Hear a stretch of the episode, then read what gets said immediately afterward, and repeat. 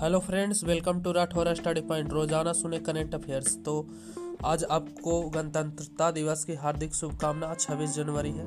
मुझे न तन चाहिए, न धन चाहिए, बस अमन से भरा यह वतन चाहिए। जब तक के जीवन ज़िंदा रहूँ, इस मातृभूमि के लिए और जब मरूं तो तिरंगा कफन चाहिए। तो करंट अफेयर स्टार्ट करते हैं। बिना समय गवाए हुए।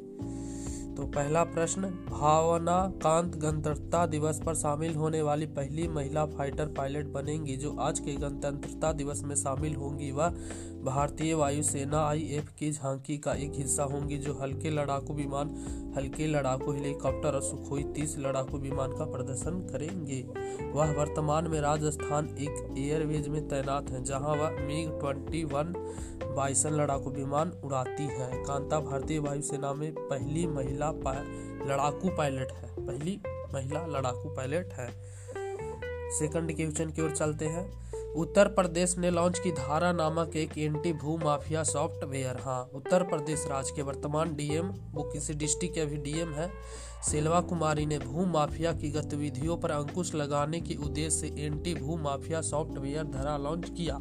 सेल्वा कुमारी के अनुसार यह सॉफ्टवेयर राजस्व विभाग द्वारा भू माफिया के विरुद्ध विरोध की जा रही कार्यवाही को प्रभावी रूप से लागू करने में मददगार होगा। उत्तर प्रदेश की राजधानी का नाम क्या है? लखनऊ और उत्तर प्रदेश के गवर्नर कौन है? आनंदीबेन पटेल, उत्तर प्रदेश राज्य के वर्तमान मुख्यमंत्री हैं योगी आदित्यनाथ।